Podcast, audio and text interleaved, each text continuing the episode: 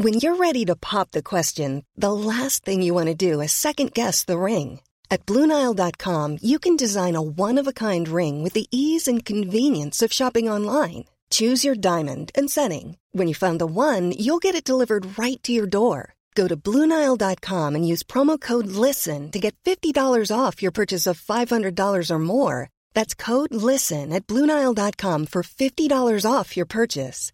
Bluenile.com code LISTEN. Even when we're on a budget, we still deserve nice things. Quince is a place to scoop up stunning high end goods for 50 to 80% less than similar brands. They have buttery soft cashmere sweaters starting at $50, luxurious Italian leather bags, and so much more. Plus, Quince only works with factories that use safe, ethical, and responsible manufacturing. Get the high-end goods you'll love without the high price tag with Quince.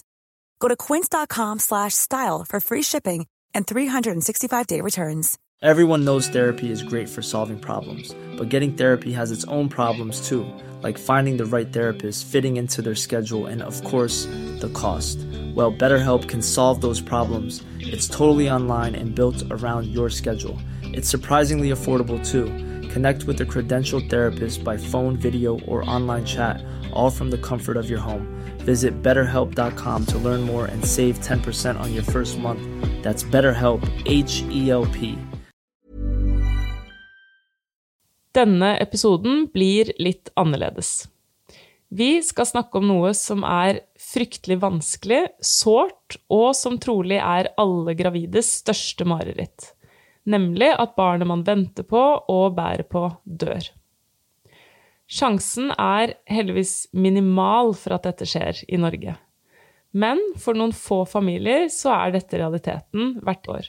Og vi syns derfor at det er viktig å snakke om. Dersom du vet med deg selv at dette kan være vanskelig for deg å høre på, så kan det være lurt å skru av nå. Ellers anbefaler jeg deg å høre videre for Liv Marie sin sterke, såre, fine og brutale historie om veien til å bli alenemamma.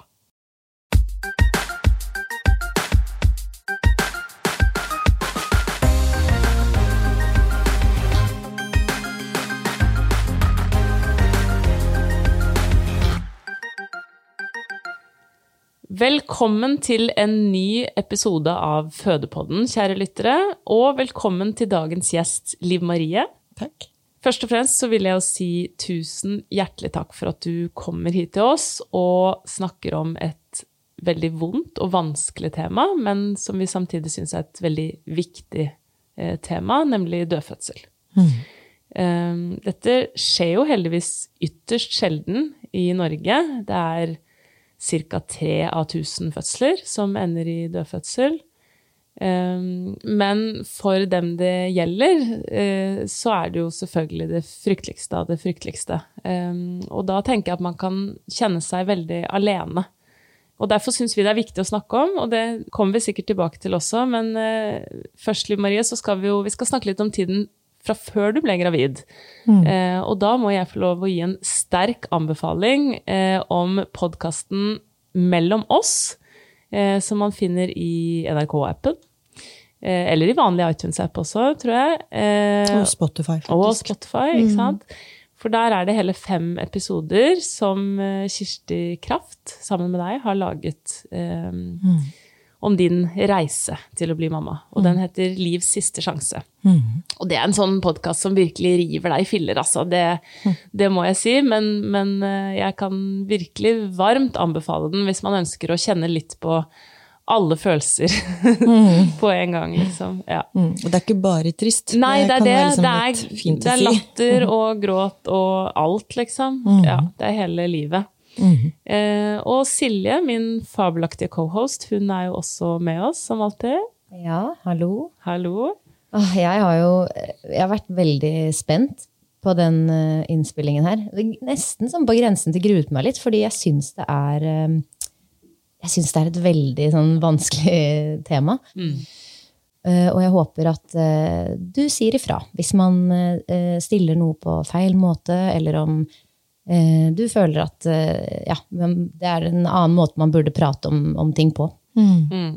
Da får jeg jo veldig lyst til å betrygge deg med en gang før vi starter, og si at det, det er veldig sjelden uh, At man sjelden egentlig stiller feil spørsmål, faktisk. Fordi man ofte opplever er jo at det er godt å bli eh, sett. Og, og Apropos følelse alene, liksom. Mm. Vi snakket litt om det før du kom, og at det, blir litt viktig at vi viser at vi tåler din historie, på en Ja, måte også. ja, det er et poeng. Og at det er et Ja, det er, man føler seg jo, kan jeg se for meg, enda mer alene hvis man kjenner på at alle andre syns det er veldig vanskelig. Ikke sant? Så sitter man plutselig med det Ok, denne vonde historien som ingen andre tåler engang, Ja, liksom. ja. Så det er noe med å Ja. Og så det veldig absurde eh, er jo det at når jeg forteller hva jeg har opplevd, så må jo jeg i sorg, eller som en mamma som har mistet, stå og ta imot den sorgen som det mennesket da opplever, er ved at jeg forteller hva jeg har opplevd. Det det. Og det er, eh, det er ganske sånn absurd. Veldig. Nå så tåler jeg jo det mye bedre, på en måte. men i begynnelsen så var jo, var jo det en helt sånn ja. Åh, helt sånn drenerende Ja. Du fikk plutselig et ansvar for å skåne andre, på på et en måte. ansvar. Mm. Ikke sant? Ja. Nei, så, Så vi skal jo snakke mer om dette, men Mm. først så skal vi jo, selv om vi skal ikke lage fem episoder om hvordan du ble mamma, så vil vi høre litt om, eh, om veien dit, da. For den Mm. har ikke bare vært enkel. Nei, hvordan det Eh, begynte, liksom. Ja, vil du starte Ja, fortell hvordan denne prosessen begynte. Mm. Egentlig, faktisk, for ja, nå blir det plutselig da kanskje 15 år siden, da, så var det en venninne av meg som sa det, men du skal ikke få barn aleine, da. Ja. Og så sa jeg bare nei, er du gæren, jeg kan jo ikke det. Eller liksom, hallo, det er jo bare absurd. Og, eller, og, og så er jeg samtidig en veldig sånn snusfornuftig dame. Så jeg, ikke sant, frilans scenekunstner, får ikke lån. Ustabil både jobb og bosituasjon. Det vil være uansvarlig av meg, eh, og, det- og det koster masse penger å lage barn alene. ja. Eh, og så er det for, jeg, dette har jo, for dette spørsmålet har jeg jo fått noen ganger, og det er litt sånn rart, for det er jo på en eller annen måte en form for naivitet. Eller kanskje en form for frykt, eller et eller annet som gjør at du skyver den tanken foran deg, eller vekk, på en Ja. måte, med at eh, eh, du tenker at det liksom det skal ordne seg. Ja, det tror jeg går- mange kjenner ja. Dette er jo Ja. ikke noe nytt eller revolusjonerende på noen måte. Men hvor, hvor gammel var du da du liksom skjønte at eh, oi, eh, her må jeg kanskje ta et valg om å gjøre det alene, da? Det var jo da en venninne av meg som egentlig sa det veldig sånn Hun er nordlending. hun sa det, hun var- sa det veldig direkte. Ja. Men i alle dager, tenker du på dette her, da må du jo gjøre noe. Hva er det, Ja. du, hva er det du driver med, liksom? Og så hadde, jeg, hadde vi også en middag da med meg og brødrene mine hos mamma, eh, hvor jeg fortalte dette. Ja. Og det er ikke sånn at vi spiser middag hver søndag. Altså, vi, vi, det, blir- det er aldri sånn Jeg tror det er nesten så første middag vi fem har hatt sammen. Altså, det er alltid en som ikke kan, eller så er det noen unger på laget. Eller så? Ja. Og da sa du det. Så da sa jeg det, og, og da var det jo ikke noe tvil om at de liksom støtter meg i det. Ja, ja. Og da var jo jeg 41. Da jeg har bestemt meg for eh, at jeg skal gå for dette her, og har bestilt time hos gynekolog osv. Og, Mm. og den sommeren så møter jeg jo da en fyr. Oi. Oi, Mm. spennende. Eh, som, hvor jeg har skrevet på min profil at jeg, hos meg er det plass til fler. Jeg er hjerterom, og jeg har lyst på barn. Altså Tinder- Tinder-profil, er nå? min. Ja, nemlig. Mens at han skriver at han er nok egentlig ferdig med reproduksjon. Ja, Så det sto faktisk i profilen Ja. til begge to, liksom? Så, det, så, så vi spiller jo med veldig åpne kort her. ikke sant? Altså, all dating. ja, og da svarer jeg sånn Ja, men kan vi ikke se, da? Det er jo ikke sikkert det Altså, jeg er jo liksom helt der, da. ja. Men så har vi jo disse samtalene, og jeg, og jeg driver og googler klinikker og tar blodprøver på ditten og datten og hatten og finner ut av ting om Ja, kroppen min. Parallelt med samme dette her. Ja. Som også er litt sånn eh, schizofrent, for at jeg føler at jeg ikke kan dele det for mye med han. Kan, altså? For det er jo også For dere er jo ikke sammen om det, liksom? I det. Nei, ja, ikke sant. Og han Veldig intrikat. Ja. Og så, og så, men så må vi jo ha denne samtalen. Ja, Eh, og det har vi over jul. Og så på et tidspunkt i februar så sier han at vet du hva, jeg får ikke dette til. Jeg, Ja. kan, jeg kan ikke ha flere barn. Han har, har tre. Men hva gjør du Nei, så Hva da, gjør du Vi ville jo egentlig være sammen. Sant? Vi ville jo egentlig ikke gjøre det slutt. så, så vi sitter med sånne Ja. alternativer som er sånn Barn Gjøre det han, slutt. liksom. Ja. Eller få barn sammen. Eller eh, få barn alene men være sammen. Ja. Ja. Og så landa vi på den. Er det sant? Mm. Hvordan gjør man det, liksom? det er sånn, det er Oi, nå gråter barnet mitt om natten, men Men det er ditt barn. Ja, altså, jeg går opp og skifter bleie, for du skal ikke være involvert. Eller hvordan, liksom. Å, smokken datt på gulvet. Ja, Ditt ja. barn. Det, ja. Altså, det funker Det hadde jo ikke funket, funket, det. Så da utpå våren der, så bestemmer du deg for å gjøre det helt alene, da, eller? Ja, for da blir, det jo, da blir det jo rett og slett slutt. Ja. Og da blir jeg altså så innmari lei meg. Ja. Fordi jeg, jeg tror jeg på en måte Det er sikkert rart å liksom Herlighet, lå ikke det opp i dagen, liksom? Men, men på en måte så gjorde det ikke det. For jeg tror jeg bare ville så inderlig gjerne at vi skulle være sammen. Selvfølgelig. Altså, du hadde skikkelig kjærlighetssorg du da, som Ja, ja, du skulle komme deg over, og samtidig begynne å tenke skal jeg til Danmark, eller hva skjer, Nei, for liksom? da er vi kommet på det stadiet i prosessen. Altså 31. mars var dette, og jeg dro til Danmark i begynnelsen av juni. Ja, så da gikk Så det ganske jeg, eh, raskt. Ja. Jeg hadde jo nesten da bestemt meg for klinikk, eh, og liksom skulle inn i et løp med full hormonbehandling og hele bøtteballetten. Ja. Med liksom kjærlighetssorg og Å, eh, søren, kjempevanskelig jobbsituasjon. på-. Masse greier, liksom. Mm. Veldig, veldig tøff tid, da.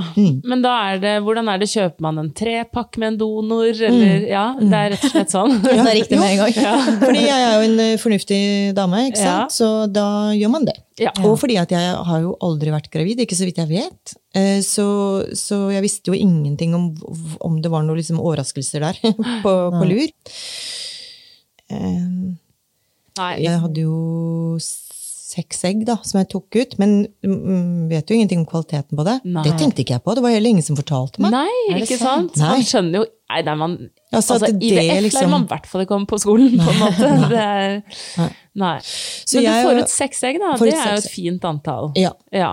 Og jeg var jo veldig opptatt av å prøve å finne en klinikk som var, hadde liksom hjertet med seg i jobben, og det syns jeg at jeg fant, og det var jeg også veldig glad for. Jeg syns Ja. de var så fine. ja, så bra. Eh, og liksom tok seg tid og omsorgsfulle og sånn. For det er jo en del sånn samlebånd eh, der ute, hvor ting liksom Ja. går veldig hurtig og Ja. Ja, og jeg tenker den prosessen med å velge donor og sånn, den, Mm. eh, den trenger vi ikke dvele ved i dag, men vi har jo to andre episoder hvis noen har lyst til å høre om det òg, som Mm. eh, er Camilla og Ana sine episoder. Mm. både erfaring fra utlandet og i Norge, da. Mm. Ja. For det er jo også en spesiell prosess man skal Ja. gjennom. liksom. Men da er jeg veldig spent på hvordan går det med disse seks eggene dine, da? Er det Mm. noen av dem som er brukbare? Ja. Så da var det to stykker, fordi at, ikke sant, dette har dere jo da sikkert også vært igjennom, Ja. men at det liksom befruktes utenfor i et, i et sånt sånn, Dyrkes. Ja. ikke sant? Og så er de i laboratoriet, og de følger utviklingen av egg, liksom celledelingen. Og det er jo her kvaliteten på egget eller på embryo på en måte måles. Hvor motstandsdyktig embryo er. Og da hadde jeg to. To gode. To gode egg. To gode egg eller to gode embryoer? Embryoer. To Embryoer, gode embryoer. Mm. På Eh, dag tre, eller noe sånt. Noe sånt. Noe Eller fem kanskje, til og med. den, Nei, det var faktisk dag tre, tror jeg. Ja. Og da setter de begge to inn. De gjør det, ja. ja. På grunn av alder, da, kanskje. Ja, igjen. For det var jeg veldig veldig spent på, og, og ønsket jo det veldig sterkt. Fordi Ja. at det, det var så mye jeg ikke visste på en måte, om kroppen min, og hvordan Ja, dette skulle gå.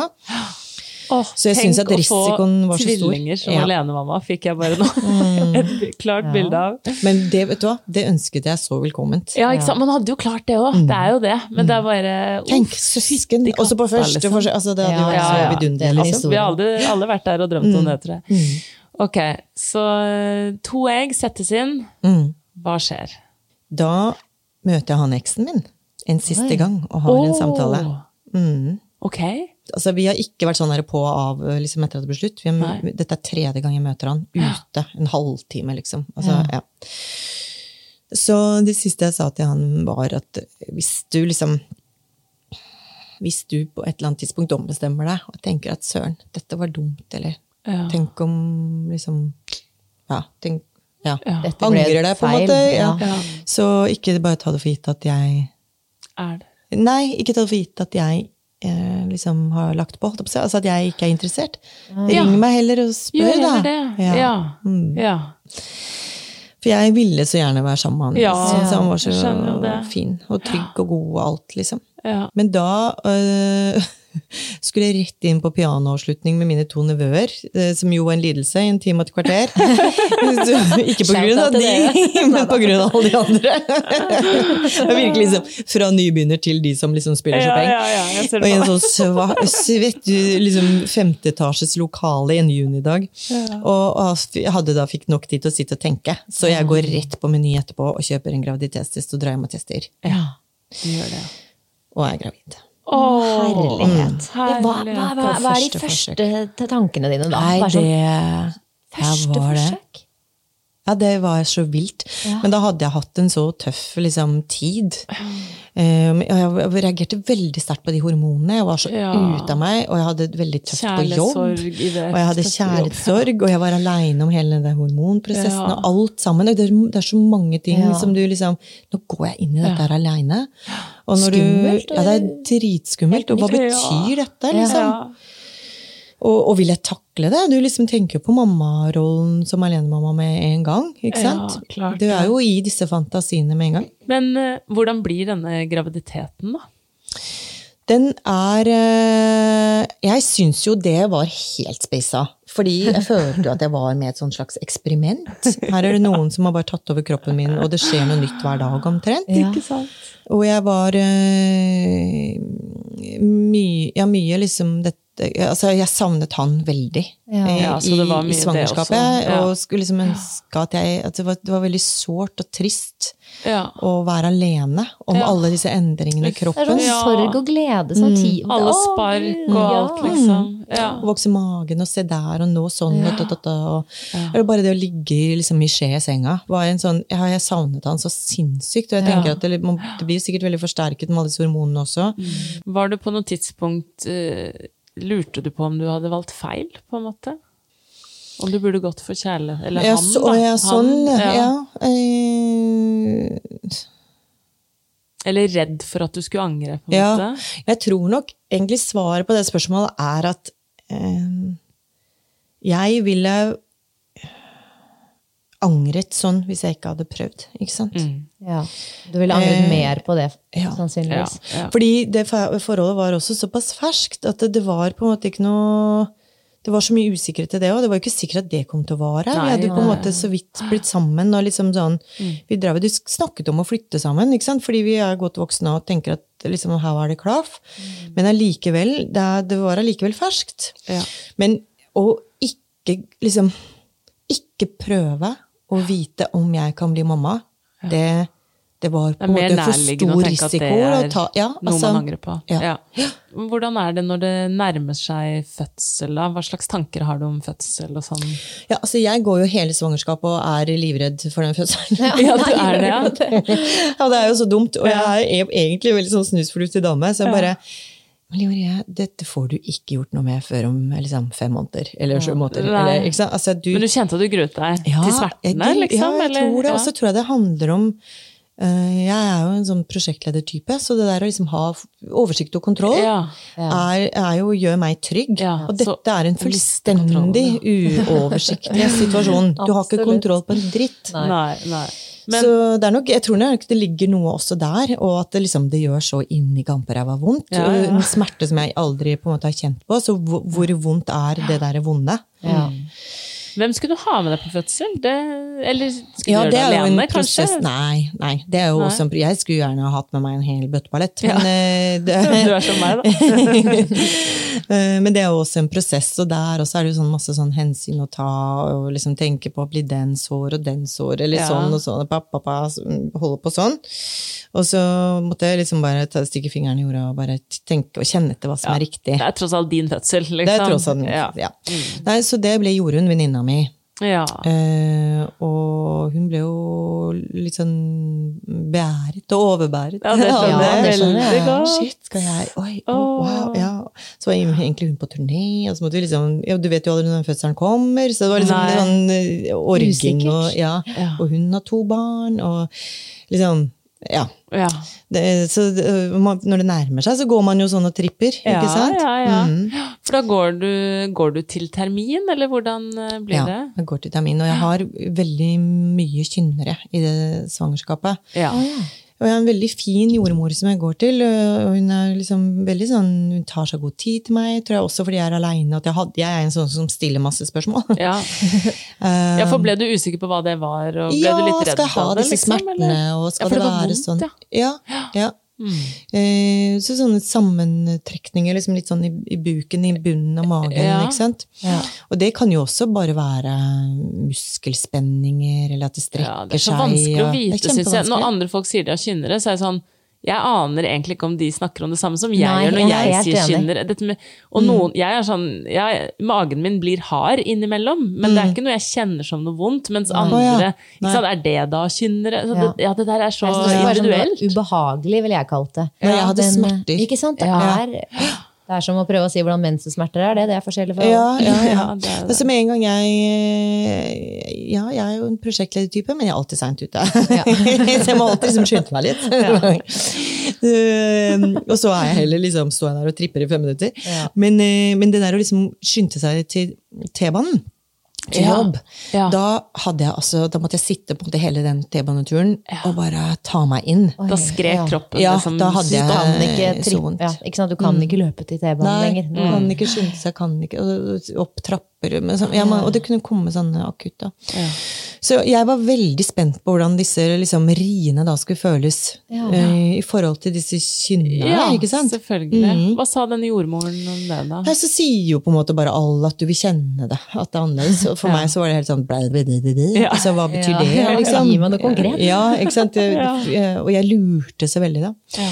Så eh, men, Men så eh, alt så fint ut eh, Ja. på termin da hos eh, jordmor? N- Ja eller nei, eller Altså, jeg hadde Tok jo sånn uh, hjertelyd Ja. på 120, så det var jo liksom innafor sånn Ja. som det skulle. Sånn Doppler? Ja. Ja. Doppler, ja. Og det tok opp den på mobilen min, og det er siste gang, og sånn. Oh. Og så uh, Magemålet mitt var det samme som for to uker siden, og vekta mi var det samme som for to uker siden. Ja, så det hadde stagnert bitte litt. Ja, og da gjør jo hun som hun også gjorde sist gang, for da var hun usikker på magemålet. Hun kalte til en ekstra jordmor, sånn at hun tok et dobbelt liksom, mål. Eh, fordi at, og det er, det er så små marginer. Ja, ja, de Hvordan er det du plasserer den på skambenet, eller på Hva er det det heter? Det heter ikke skambenet lenger. Eller Symfysen. symfysen? Symfysen. Og hun ringte til Riksen, og de liksom konsulterte. Ja, var det noe skulle, altså sånn, er det, ja, men nå skal hun jo inn på fredag, sånn at vi, det, det tror ikke det er noe å uroe seg for, liksom. Så jeg kommer meg da hjem, og fetteren min henger opp en lampe mens jeg ligger på sofaen. og bare, vet du, Jeg, klar- jeg, orker, jeg kan ikke liksom underholde deg nå, jeg. nå må jeg bare ligge her, jeg, for nå er jeg ganske dårlig. liksom. Hvordan kjenner du det? Nei, jeg bare er så sliten, og det er liksom så mye tak, eller det er sånn, det gjør så vondt, bare. Ja, så du har da kynnere da når du ligger der og Ja, antageligvis. Ja, ikke sant? Ja, det er jo ikke godt å vite hva det er. Ja. Så går han, altså sånn rundt halv fire får jeg en melding fra en venninne som spør om jeg kommer på det som vi skal i morgen. Så bare, jeg er litt usikker, jeg tror kanskje at Rina starta. Liksom skriver jeg. Så skriver, tar hun noen sånne kontrollspørsmål, og så Hun har født to barn, så bare Du har rier. Og da var det bare Fordi de kom og gikk, da, eller? ja, da var det liksom Altså, det som skjedde, var jo at jeg hadde jo eh, det meste sånn, tror jeg var fem minutter mellom riene. Fra start. Jeg var nede i ett minutt. Ja. Jeg hadde veldig rask eh, Veldig rett på. Rett, rett på. Veldig liksom også på en måte sterke, tydelige rier. Ja. Eh, og de var veldig raske. Eller de var kort mellomrom, da. Jeg sjekket faktisk på, te, på, liksom, på toget på vei ned hit, og sto liksom pause mellom riene var sånn ett og et halvt minutt, to Ja, minutter, tre minutter. Det er kjempeofte, da. Ja. Og så er jo jeg sånn, jeg er en litt sånn stolt eh, type også, så jeg er sånn, jeg skal i hvert fall ikke bli sendt hjem fra det sykehuset. Jeg kommer til å ligge her i natt og lide meg gjennom disse riene her, så ikke snakk om, jeg skal ikke ned, liksom. Nei, nei. Så skal du skynde deg helt på tampen. Ja, eller, men jeg, bare- jeg så virkelig for meg at jeg skulle ligge natta gjennom med dette her. Men ringte du Jorunn og sånn? Og liksom Ja? Jorunn, og... og, eller sendte en sånn melding i den felleschatten med familien, da. Og Ja. da var det jo Det ble jo liksom sånn. Ja, ja, ja. Jeg er på. Kiwi, jeg kommer med en gang! Ja, ja, ja. Eh, mamma, jeg kom! Ikke sant? Så det var sånn, eh, Sånn armer og bein veldig sånn. Den roligste der var på en måte meg. Eh, og da min svigerinne, som er også da høygravid, og har termin to oh. måneder etter meg, eh, kommer og benker seg oh, inn med rieteller. Og sitter og liksom følger med. Og sånn, 'Nå må du ringe, Riksen. Nå må du ringe, da.' Ring. Ja, nei, skal jeg ringe? Ja, ring. Nå ringer du. Hun, dette er hennes barn nummer fire, så hun er Rutta. Oi! Ja. Så hun er liksom litt sånn Nei, vet du hva, den ungen kommer til å komme ut på noen timer. Nå må du ringe. Ok. Ja. Ja, da hører vi på henne. Liksom. Ja, ikke sant? Ja. Nei, så jeg vegret meg litt. Uh, ringer og får snakke med verdens hyggeligste, søte Bodil. Liksom. Uh, en godt voksen dame som er liksom tryggheten selv, og det var så godt. Ja. Og hun liksom øh, stopper Ja, nå hører jeg, nå kommer den ri, bare ta deg tid. Liksom. Og jeg pustet jo, pustet Det er såpass at hun kan høre riene. Ja, ja, ja. ja. Fordi at da begynner jeg med denne pusteøvelsen min. Som jo eh, jeg syns var Guds gave, fordi den klarte jeg å liksom hengi meg helt til. Eh, og så tar en dusj.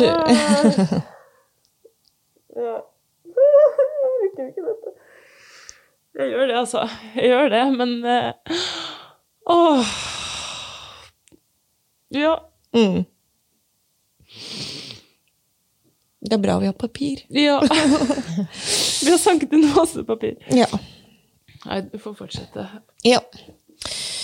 Åh, for nå begynner jo jeg òg.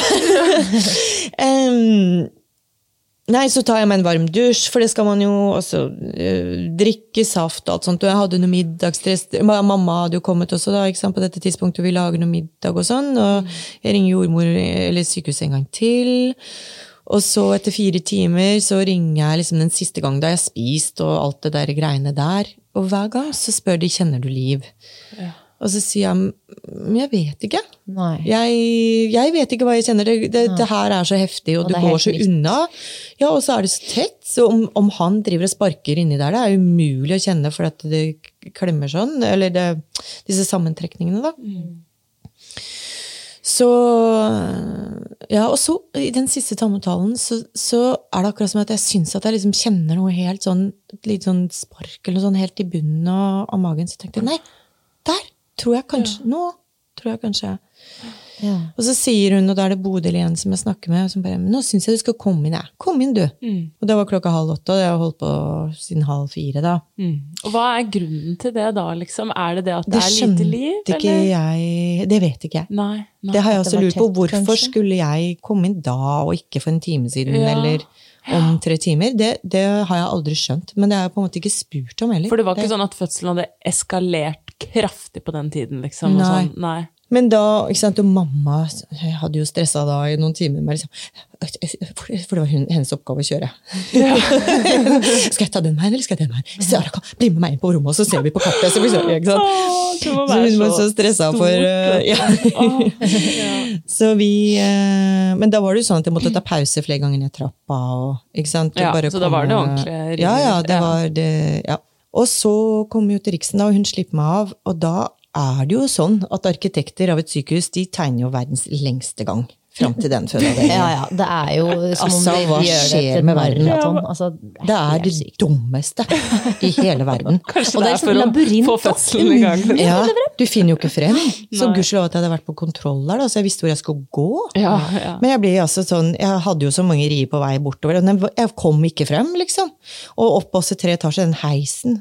Og der står Bodil, vet du, tryggheten selv, og tar meg mot. Så jeg bare hei!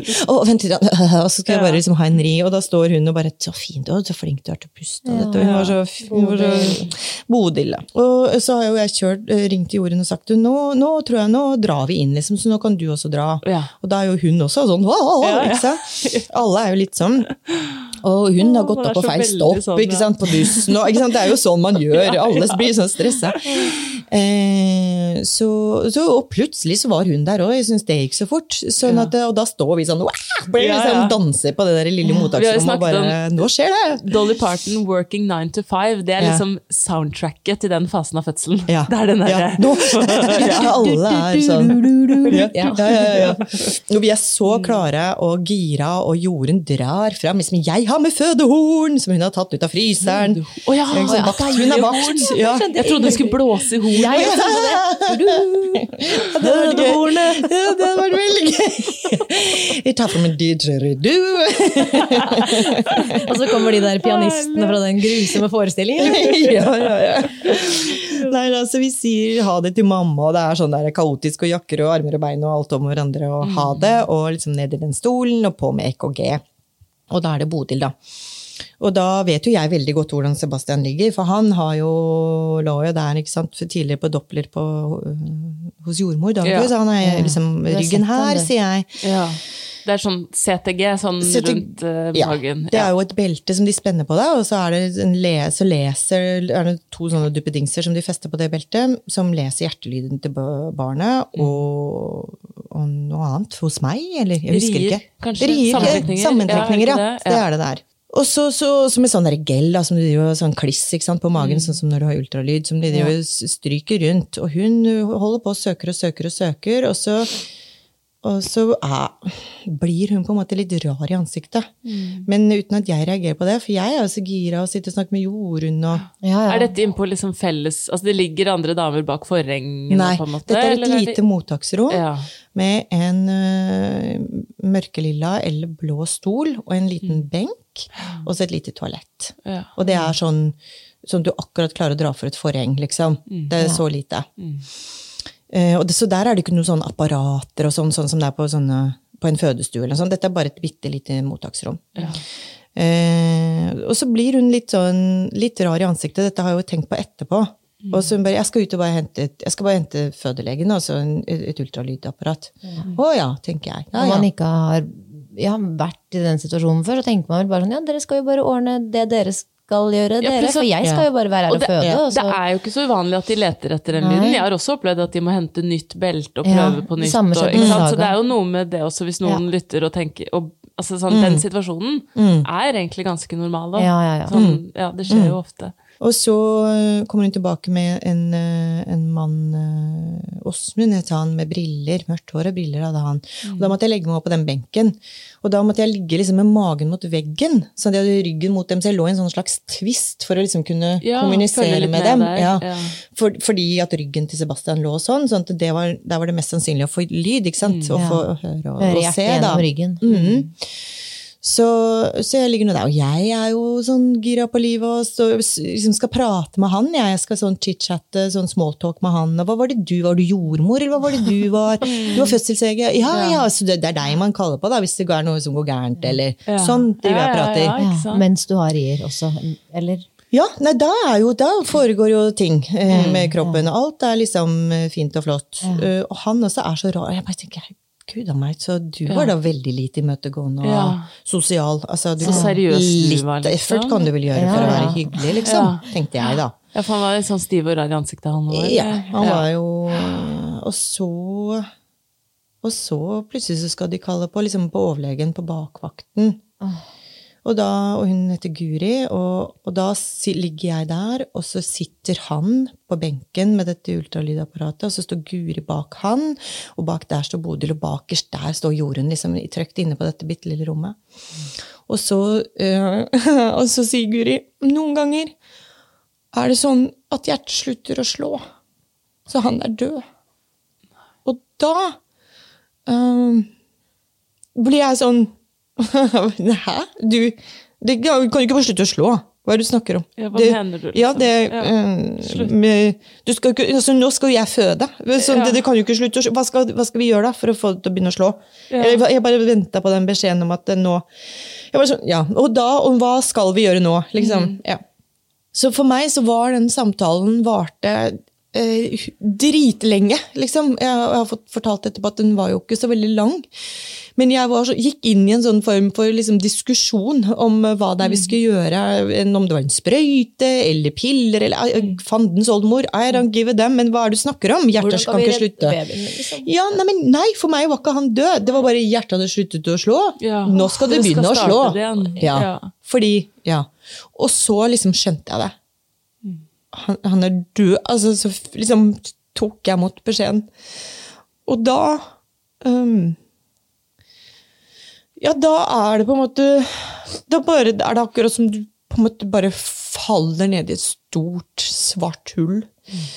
Og så er du så himla hjelpeløs, fordi at jeg er så støkk i den kroppen. Liksom. Jeg ligger der på den benken, og er sånn svær og tung, og får ikke rørt meg, og får ikke Jeg bare skriker og roper og gråter, og, og det var jo sånn sånn rekkverk på en måte ved veggen, sånn, sikkert sånn som de fester apparatet på, eller noe sånt, som jeg lå liksom og klamret meg til og holdt meg fast i den.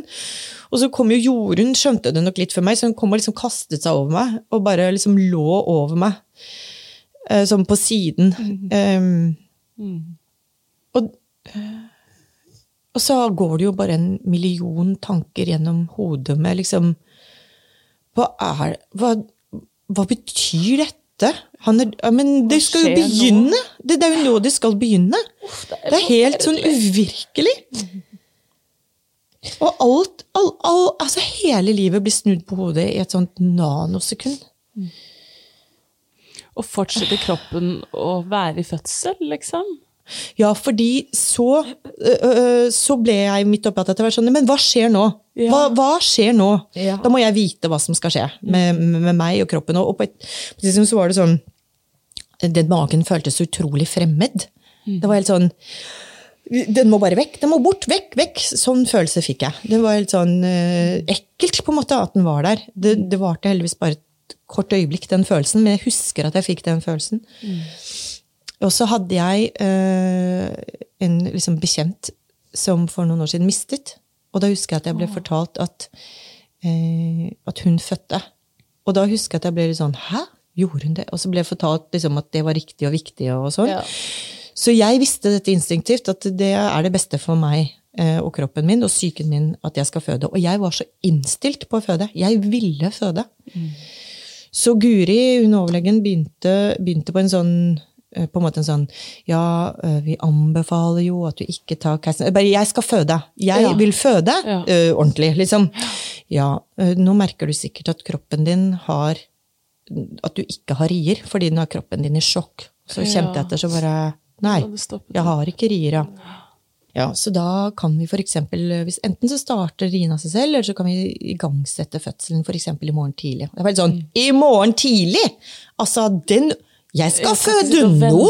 Nei, Skal jeg ligge og tvinne tommeltotter i en natt? Er du gale, Mathias? Liksom, jeg, ja. Og jeg var, jeg var så liksom Jeg var så inne i den fødselen, jeg. På en måte. Jeg hadde liksom jobbet så innmari med de riene. Og hele den der liksom pustingen og alt det ja, Jeg var så veldig på en måte til stede i det, sånn at jeg ønsket jo å fortsette.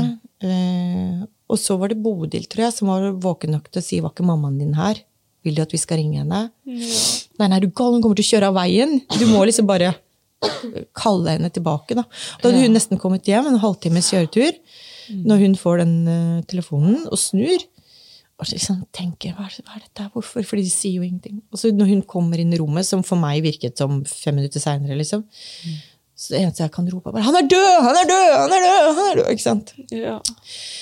Så da kaster hun seg om. Altså, ja, På et tidspunkt har disse legene forsvunnet ut og latt meg og, meg og Jorunn være alene, og meg og mamma og Jorunn og altså, vi, ja. Det er bare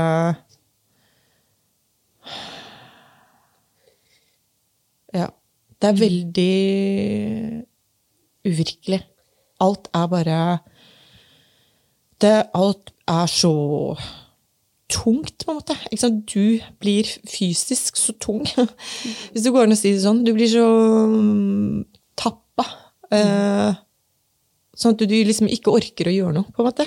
Du blir kraftløs, da. Mm. ja, hvordan går man da inn i en fødsel? Nei, det er liksom? akkurat det. Ja. Ja. Fordi så tar riene mine seg opp av seg selv. Så jeg må jo ikke Ja. ha noe ytre stimuli. Og hvor lang tid har det gått cirka da? Altså, da jeg går fra det rommet der, så da har det gått et par timer, faktisk. Det, Ja. Og da får vi et rom, et stort rom, som er liksom to senger, og som er nederst i en gang, og litt sånn skjerma vekk fra folk og sånn. Og jeg reflekterer jo ikke over hva slags rom det er, men det er også et sånt mottak. Altså, det er jo ikke, ikke en fødestue, for jeg trenger jo ikke alle disse duppedingsene. Ikke sant? Nei. Jeg trenger bare en Du Jeg trenger ikke at han overvåkes Nei. og Nei. Og det skjønner jo ikke jeg før etterpå. Nei. Nei. Og da, men liksom å gå Jeg husker at jeg gikk nedover den gangen. Fra det rommet og ned til det andre rommet. Og med rier og liksom en død baby i magen. Og da, jeg, skjønner, jeg skjønner ikke at jeg klarer å gå nedover denne gangen nå. Jeg bare skjønner det ikke, liksom. Og så kommer vi oss inn der på det rommet og får liksom installert, og så sånn og på et eller annet tidspunkt så har liksom Jorunn og mamma forsvunnet og liksom fått tatt noen telefoner og liksom orientert folk. Dette får jo ikke jeg med meg. Altså det, ikke sant? Jeg er jo bare i en sånn boble, men vi rigger oss til, og så, og så sier jeg, som ble veldig viktig for meg, at liksom nå er det dette som skal skje. Nå, nå skal jeg føde. Nå skal vi føde Sebastian. Og alt som kommer etter det, må komme etter det. Alt annet må vi ta etterpå. Nå, nå, nå, nå skal jeg føde. Ja. Og det mm, på en måte vil jeg at skal bli fint. Hvis du, altså, ja. Åh, klarer du å, å Klarer du på ekte å ta det innover deg at, at han faktisk er død? For jeg tror liksom Nei, I en sånn situasjon jeg ville tenkt sånn Men kan, kan jo hende at, at liksom babyen min kommer ut levende, eller Ja, liksom ja, et eller annet sånn magisk ja, må skje, fordi det er for Ja. vondt for at det kan være ekte. ja. Jeg mm, Jeg vet ikke. Eh, det, jeg vet ikke. Jeg husker ikke. Jeg, tro, jeg tror at um, Fordi jeg var, jeg var så innstilt på å føde på en Altså, jeg var um, jeg var så innstilt på at nå, nå må vi på en måte konsentrere oss om dette, og fordi de riene kom så tett. At jeg, jeg hadde ingen pauser. Jeg hadde ingen pauser noen gang. Eh, og det ble en veldig Jeg var veldig fokusert på eh, riene og kroppen. Og på en måte så er det Jeg tror det er litt sånn at den eh, smerten da, som den fødselen tok, var litt sånn mm, Jeg måtte på en måte gjennom det, hvis du skjønner. Um, kanskje for å døyve den andre smerten på en eller annen måte. Altså det var noe sånn jeg skjønner jo hvorfor de vil at man skal føde og ikke ta et keisersnitt. ikke sant? Fordi at det, det er en prosess, det er jo en fysisk prosess, og en psykisk. Men jeg, jeg, jeg har liksom sagt i ettertid at den fødselen var utrolig sanselig. Og med det så mener jeg at jeg, jeg, jeg lå med lukkede øyne så å si hele tiden, og pustet og pustet meg gjennom de riene.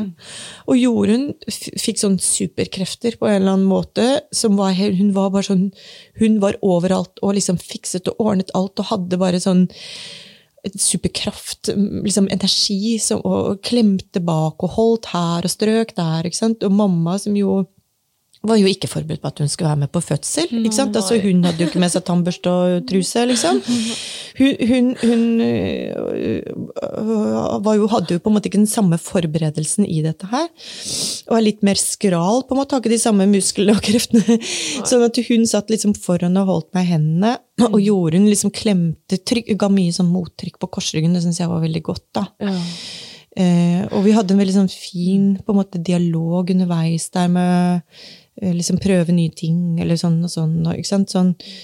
og jeg, og jeg lå, jeg husker jeg lå der på siden, og, og hver gang det kom en ri, så bare ga jeg meg helt hen, og liksom slappet av i hele kroppen, og bare ga meg hen til den smerten. Var det noe du hadde øvd på, liksom? Eller Ja. kom det helt sånn intuitivt? Nei, jeg hadde øvd, og jeg var veldig opptatt av det. Nå har jeg liksom en dansebakgrunn, og jeg hadde også gått på sånn fødselsyoga. Eh, og vært med på et sånn, et skulle sånn fødselsforberedende kurs. Og da liksom snakket litt om disse tingene, så hadde jeg lest, eh, hadde jeg lest hun derre Nylander-boka, eller akkurat det der eh, ja, Ja. Akkurat det avsnittet der, men sånn, plutselig fant jeg en sånn pusteøvelse. Så bare, den, Ja, den tar jeg! Den funker for meg.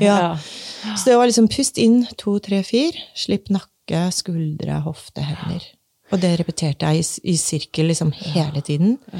Så på et tidspunkt mamma sa, liksom, jeg husker så godt mamma sa sånn gang på gang på gang Ja, men du lager jo ikke noe lyd! Du lager jo ikke noe lyd! Du, du, du, du klemmer jo ikke hendene mine engang! Du er jo helt slapp, liksom. Ja. Så, men, men så eskalerte det jo så veldig, sånn at jeg, til slutt så måtte jeg jo liksom, så lå jeg bare og, og vrei meg i, i smerte.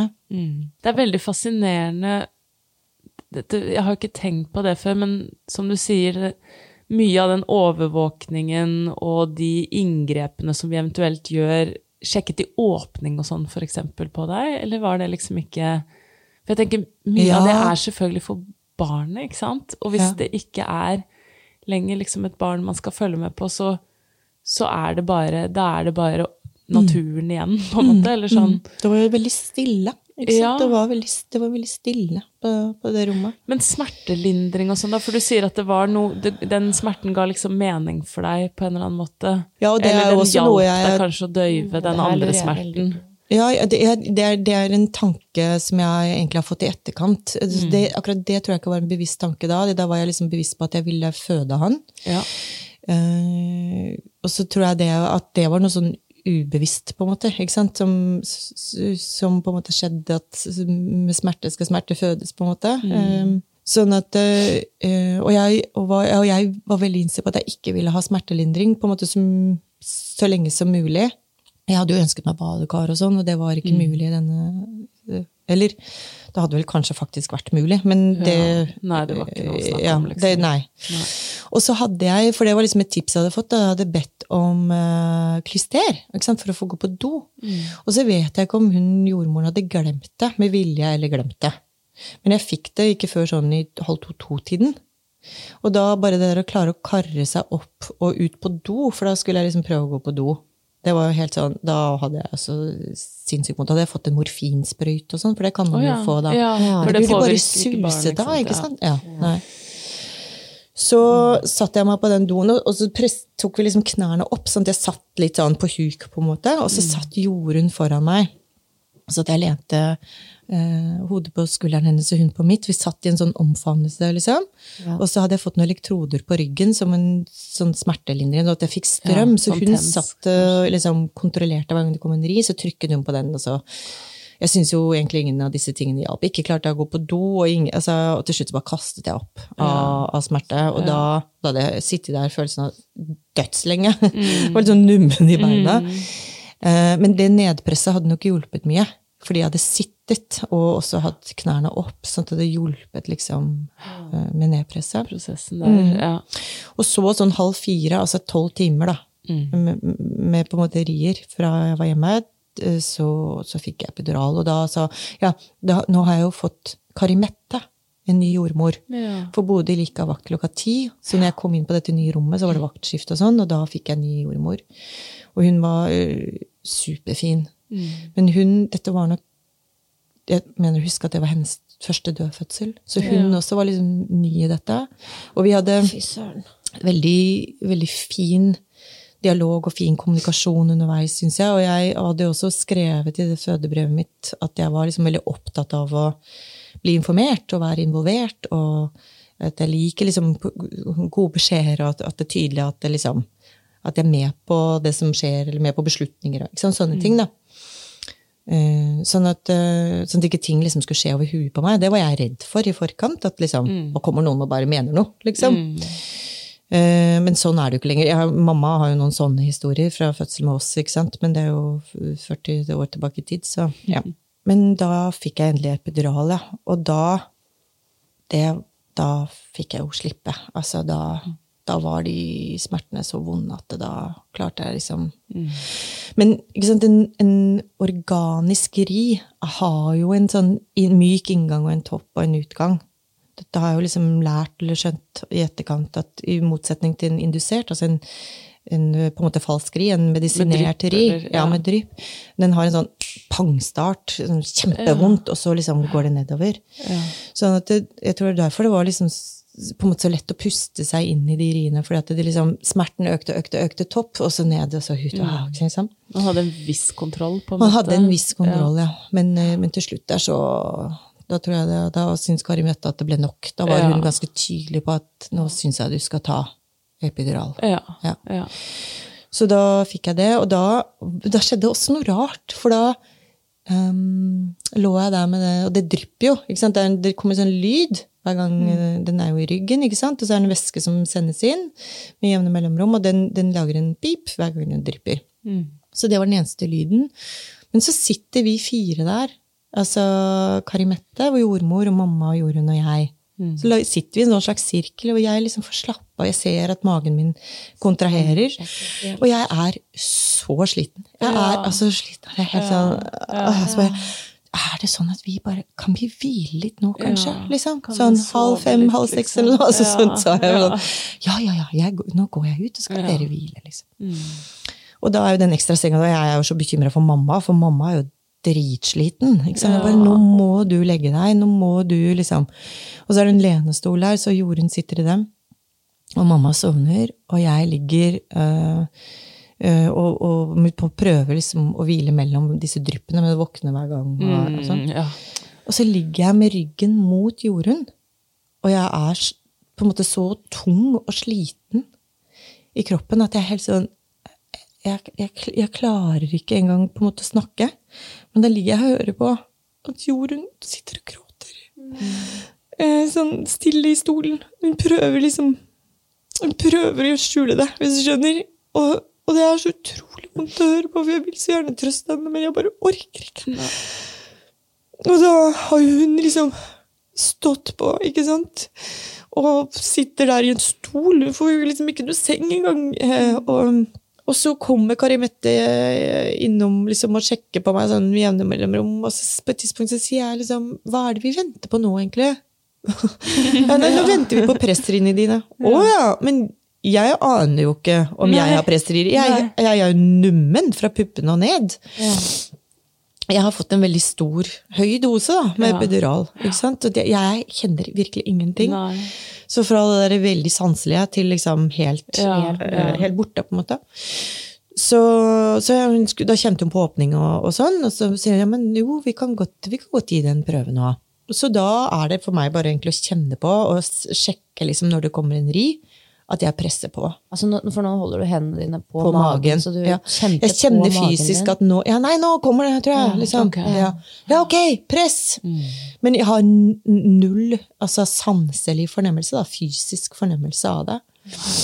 Eh, og, og da tror jeg også at Jeg vet ikke om jeg husker ikke om jeg sto på alle fire, eller altså at vi prøvde litt forskjellige ting. Dette er litt sånn vagt for meg. Eh, og så på et tidspunkt også, så sier, kommer liksom Kari Mette Jeg tror det var, nei, det var halv åtte. Jeg, går av vakt klokka åtte. Ja. Men vet du hva? Nå gir vi det en time til. Eh, jeg, har lyst, jeg har veldig lyst til å liksom se Være dette i, ja, Ja. i, i havn med deg. Men, men jeg må på en måte sette en tidsgrense for min egen del. For da, da har hun vært liksom på full nattevakt. Mm. Det er bare ok, ja, det skjønner jeg liksom. Og da har Bodil gått på jobb. Å, er det sant? Ja. Så Bodil kommer jo da klokka åtte. ikke Fy søren, men du har holdt på lenge nå, da. ja, Hele da er det liksom 18 Ja. Og, ja. Og vel så det, selvfølgelig. Men siden Bodil ikke har Ja, ja, ikke sant? Da har hun vært hjemme og sovet. Mm. Så, men det var så fint, for da var det både Karimette og Bodil ikke sant, eh, som var der eh, den siste timen der, og fem på ni så ble Sebastian født. Så da var det liksom Klokka ni skulle hun gå, egentlig. ikke sant? Han Altså, rakk det ja, han rakk det. Og da den siste, uh, siste tiden der, så uh, så, så, så kjente jeg ikke noe, så sa jeg på et tidspunkt Men nå må da det hodet stå i åpningen. Så, ja, ja, ja, sier hun. Å ja, ok, ja. ja. ikke sant? Ok, da liksom har jeg en slags fornemmelse. Kom med hånda di. Og så fikk jeg kjenne liksom håret hans, da.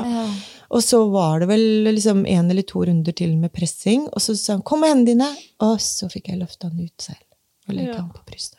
Ja. Hvordan var det? Og det var stille. Ja. Det er jo veldig spesielt. Ikke sant? Et, et lite barn som ikke holder seg selv. Er-? Jeg måtte liksom holde, jeg måtte få hånden hans tatt ned, eller jeg måtte liksom holde han. Han var jo så fin. Han var helt fullkommen. Han var 50 cm lang, så han var lang og han var litt tynn. da. Han var bare 2,74. Og han var underernært. Men, øh, men han, var, han var så vakker. Han var så utrolig vakker.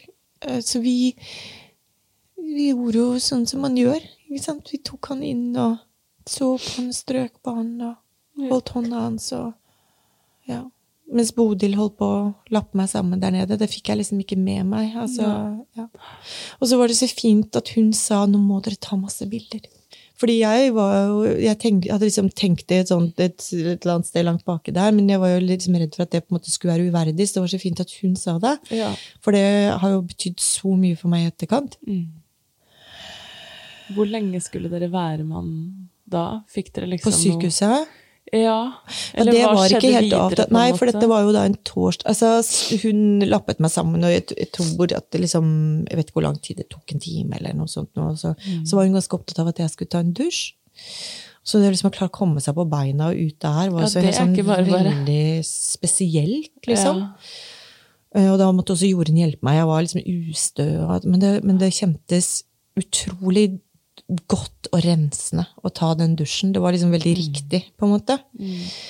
Eh, og, og, og da bytta de nok liksom seng og sånne også ting ikke sant, i mellomtiden. Og, og så stelte vi han etterpå, og da gjorde vi det sammen. alle sammen. Vanligvis har jeg, ikke sant, jeg har jo også skjønt i ettertid, da er det jo masse folk inne, det er ekstra jordmor, og det er en barne... eh, sykepleier? nå hva heter det? Ba, barn, Barnepleier. Barnepleier. Sant? Så, eh, det, det var bare oss hele tiden. Eh, Bodil og oss tre, da. Uh, og hun var så rolig og fin og verdig og mild og god. Så, så vi, vi tre, jeg var opptatt av at Jorunn og, og mamma skulle liksom være med på alt dette. Vi, vi vasket han, og det også var liksom sånn ikke sant? Liksom, Holde kroppen Ja. hans og balansere han, på en måte. og Ja. Og så, og så liksom tilbake på benken og, og liksom tørke og, og sånt. Og så skulle kle på han hadde funnet frem en body og det hentesettet som jeg hadde fått av bro, altså familien til broderen. Et, et blått hentesett eh, med en body under. Og da eh, klarte jeg ikke å, å få på han den bodyen. Nei. Eh, det var, det var så trangt ikke sant, over hodet. Jeg, jeg ble så redd for å, å gjøre noe galt og skade ham. på en måte, Og jeg følte meg så utrolig mislykka at jeg ikke liksom fikk den armen inn i den. Det var så hjelpeløst, på en måte. da. Jeg var så ja, Så da måtte jeg spørre Bodil og liksom, kan du være så å gjøre det. Og så måtte jeg snudde jeg meg bare vekk. Uh, og så kledde hun på han, og så uh, Og ja, vi veide han og alt det der. Og da, på et tidspunkt så Da hadde jeg fått med meg liksom sånn ren sånn der, eh, sykehustrøye, og han var påkledd, og sånn, og så var det en ren seng der. Og så fikk jeg lagt meg ned, og da var klokka blitt halv to. Og så lå han ved siden av meg i armene mine. Og da var jeg alene eh, på et tidspunkt. Da tror jeg det også ble tatt noen telefoner og organisert litt ting og tang, og jeg skulle bytte rom og sånt noe. Og da sovnet jeg endelig. Ja. Da jeg, da lå jeg med han ved siden av meg. Ja. Hadde kroppen din begynt å altså Hadde du produsert Nei, jeg fikk en, eh, melk? jeg fikk en tablett. Du fikk en tablett. Ja. Mm. For det er sånne ting. For den fasen man da etter hvert kommer inn i, som du kjenner veldig på, er jo det at du har en mammakropp og ikke noe barn. Ja. Så, så den dagen, nei, den natta, så begynte jeg på minnetalen til, til Sebastian. Ja. Det var så viktig for meg. Jeg tror jeg bare måtte begynne å skrive. Skrive det ut. Få, få det liksom ut. Fortellingen om han på en eller annen måte. Men dagen etter var helt sånn ko-ko fullstappa. Med prest og fra sykehusprest, og presten hjemmefra. med Broderen kom med henne. Eh, Og så ville jo familie komme på besøk. Og det var jeg også veldig opptatt av. Jeg ville jo veldig gjerne at de skulle komme, og jeg ville veldig gjerne Jeg var jo veldig opptatt av å dele Sebastian med familien. Og familien, altså han broren min som da ventet barn to måneder senere, de også kom. Og alle, bortsett fra de, altså alle holdt Sebastian og fikk liksom være sammen med han og se han, og, altså ut fra hva de tålte og orket og ikke sant, klarte. Men de, eh, de, de klarte ikke å se han. Det, er, det ble liksom Og det skjønner jeg jo veldig godt.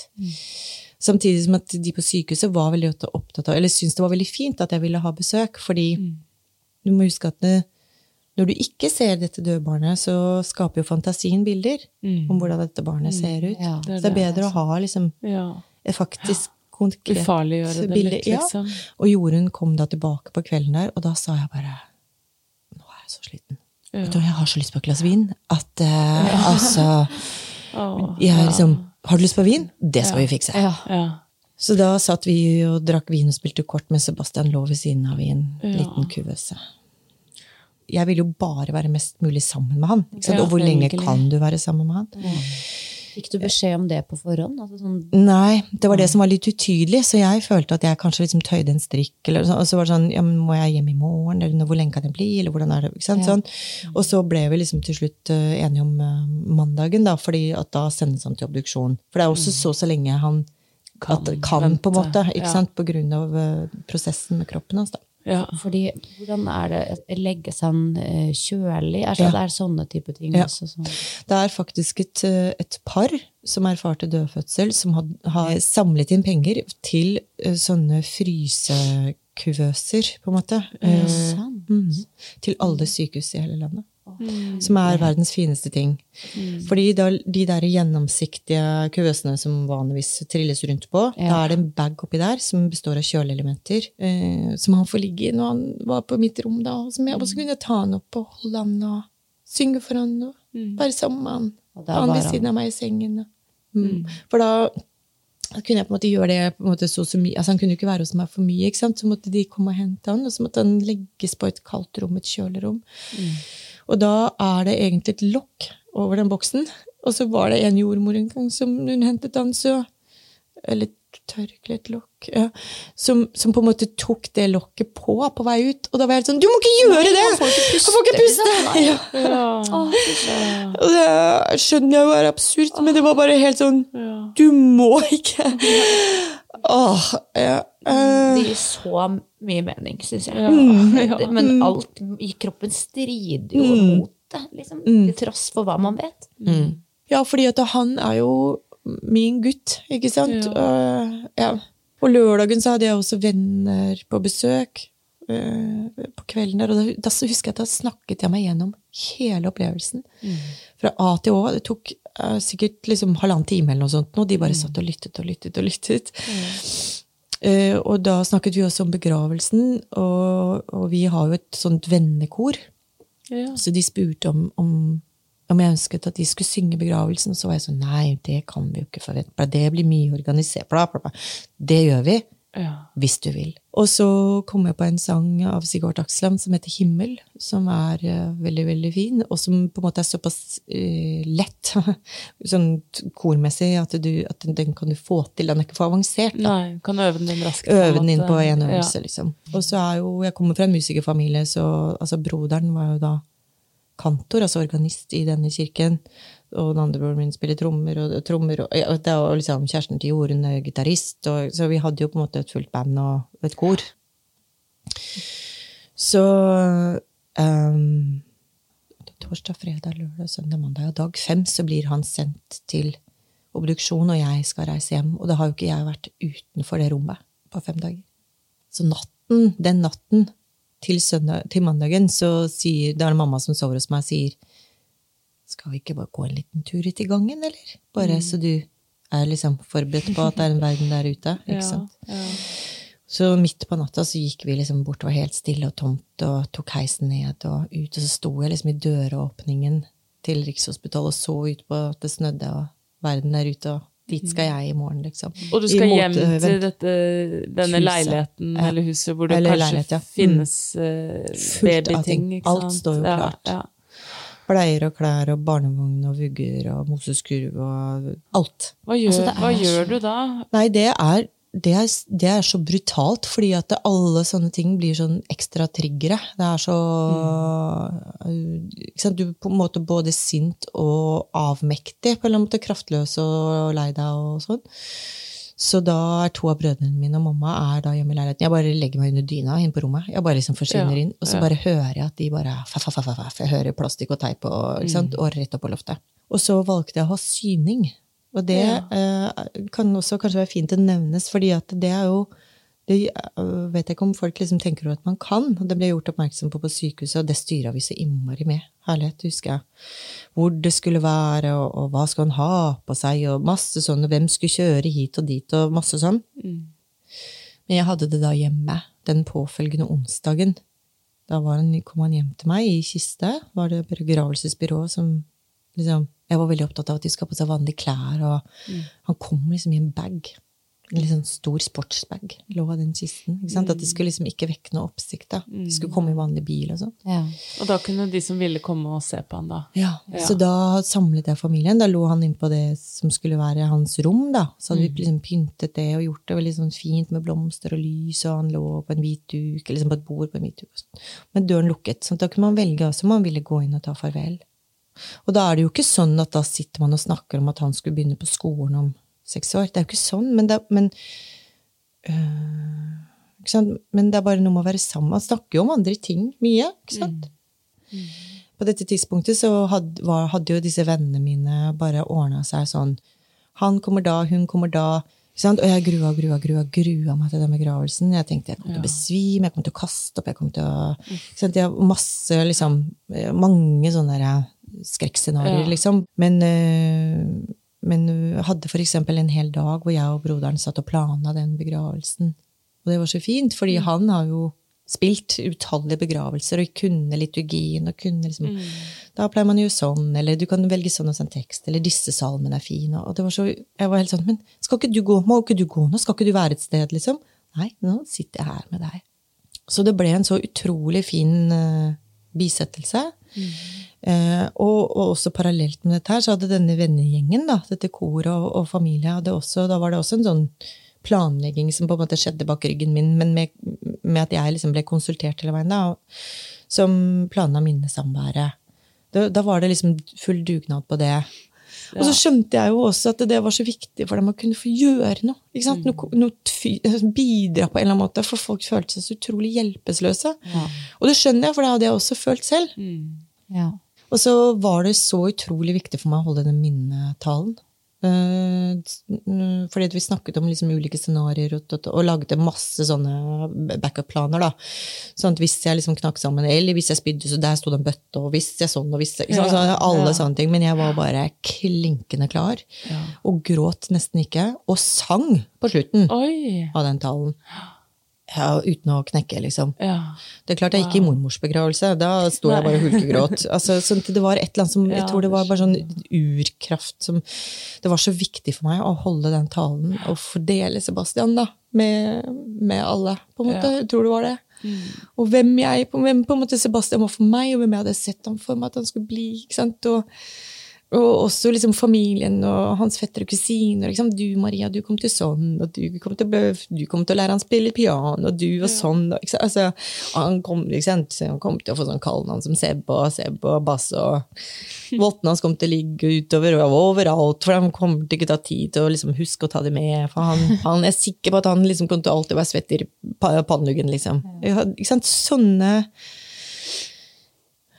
det, sånn var jo han for meg. ikke sant? Jeg hadde jo konfirmert han jeg hadde dratt på sydentur. ikke sant? Det er jo det man gjør Ja. når man venter et barn. Så, men, så det, det ble bare Og så bar vi fire søsknene bar den lille kisten ut sammen på slutten, og det Ja. Ja. Og så var det denne min, dette minnesamværet, og det var jeg også veldig opptatt av at på en måte skulle være to forskjellige ting. Altså, Inni kirkerommet så sier vi farvel til Sebastian. Mm. Der er døden, liksom. På minnesamværet så må vi løfte blikket, og så må vi på en måte se på håpet. Ja. Og på livet. Um, og det tror jeg også var veldig godt for folk. Mamma hadde en kjempefin eh, tale om håp. Eh, og så sang vi noen sanger, blant annet en sang som jeg sang for Sebastian, som også på en måte blitt hans sang, og det er 'Mitt hjerte er ditt' av, av Prøysen. ja, så fint. Og så, og så fortalte jeg dem at Sebastian må få en bror eller søster. For sånn her kan det ikke slutte. Nei, sånn her kan det jo ikke slutte. Men akkurat denne episoden er ved veis ende. Vi har valgt å dele Liv Marie sin historie i to, så først neste uke vil dere få høre om hva som skjer videre i hennes reise mot å bli mamma. Og hvordan lille Frida kommer til verden. Før vi avslutter, vil vi gjerne nevne Landsforeningen for uventet barnedød, forkortet LUB, en uvurderlig organisasjon. Takk for den livsviktige jobben dere gjør hver dag.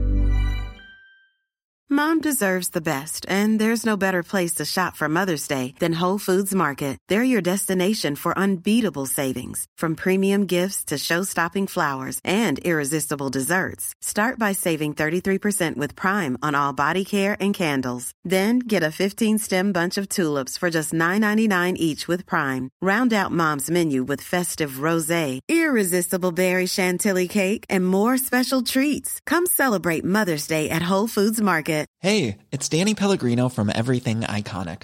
Ready to upgrade your style game without blowing your budget? Check out Quince. They've got all the good stuff shirts and polos, activewear, and fine leather goods, all at 50 to 80% less than other high end brands.